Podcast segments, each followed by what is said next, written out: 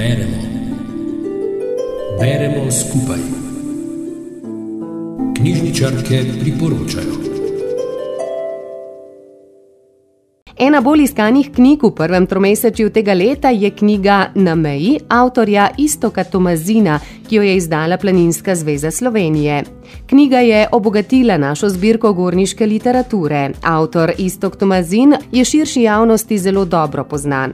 Že kot mladega fanta so ga prevzele domače gore karavanke. Gre za alpinista, ki ima za sabo več kot 5000 usponov. Pohvali se lahko z odličnimi uspehi v Himalaji, kjer je preplezal številne prvenstvene smeri. Je tudi ekstremni smočar, zmajar, jadralni padalec, gorski reševalec, pisatelj, predvsem pa zdravnik, specialist družinske in urgentne medicine ter direktor zdravstvenega doma. Običajni ljudje kar težko verjamemo, da lahko posameznik opravlja vse te dejavnosti tako uspešno, kot to uspeva istoku Tomazinu. Greben karavank je naravna, zelo jasna in težko prehodna meja med dvema državama. Po drugi svetovni vojni so karavanke predstavljale tudi mejo med zelo različnima družbenima sistemoma. V času Jugoslavije je bila ta meja dobro zastražena, saj je na robu dolin država postavila karavle in v njih namestila graničarje, ki so redno patrulirali v obmejnem pasu. Ti so stražili mejo pred sovražniki, predvsem pa pred lastnimi državljani, ki so čez mejo tihotapili različne stvari ali pa so zaradi razočaranja želeli domovino zapustiti in si v tujini ustvariti boljše življenje. Mnogim mejašem in prebežnikom žal ni uspelo, predvsem zaradi težkih razmer v gorah ali pa so padli pod streli graničarjev. Tudi mnoge tihotapske zgodbe so se v 50. in 60. letih prejšnjega stoletja končale tragično. Ljudje so za preživetje tvegali lastna življenja, saj so bile razmere v takratni Jugoslaviji zelo slabe. Nekaj teh zgodb je popisal tudi avtor in dodal literarni pridih z opisi takratnega dogajanja na meji.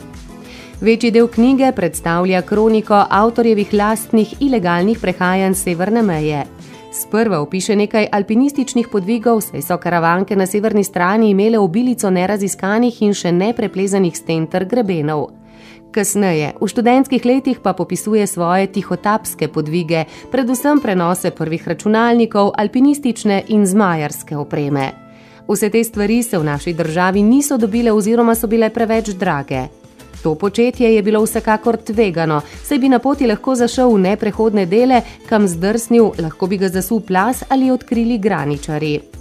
V vseh teh spominih je tudi družbeno-kritično razmišljanje, ki v sistemu ne vidi smisla, le zlo, ki posameznike prisili k skrajnim dejanjem. Sledi še nekaj zgodb in doživeti v tujih gorstvih. Knjiga Na meji govori o preseganju meja, njihovem spoštovanju in želji po svobodi. Priporočam jo vsem ljubiteljem dobrega branja in vsem, ki radi prebirate gorniško literaturo. Mnogi se boste spominjali svoje preteklosti, ko smo v času Jugoslavije le redko odšli v tujino, da smo kupili dobrine, ki so danes dostopne povsod. Mladi bodo le stežka razumeli, medtem ko se bomo malo starejši le nasmihali, saj se še vsi spomnimo, kako smo čez ljubel tihotapili kavo ali hajfi naprave. Gre za popis doživeti izjemnega človeka, ki si je v življenju postavil visoke meje in jih že vse čas uspešno presega, pravi Tina Oman iz Škofeloške knjižnice Ivana Tavčarja, ki nam želi obilo užitka v branju knjige Na meji. Rubrika Beremo skupaj nastaja v sodelovanju z Radijem Sora.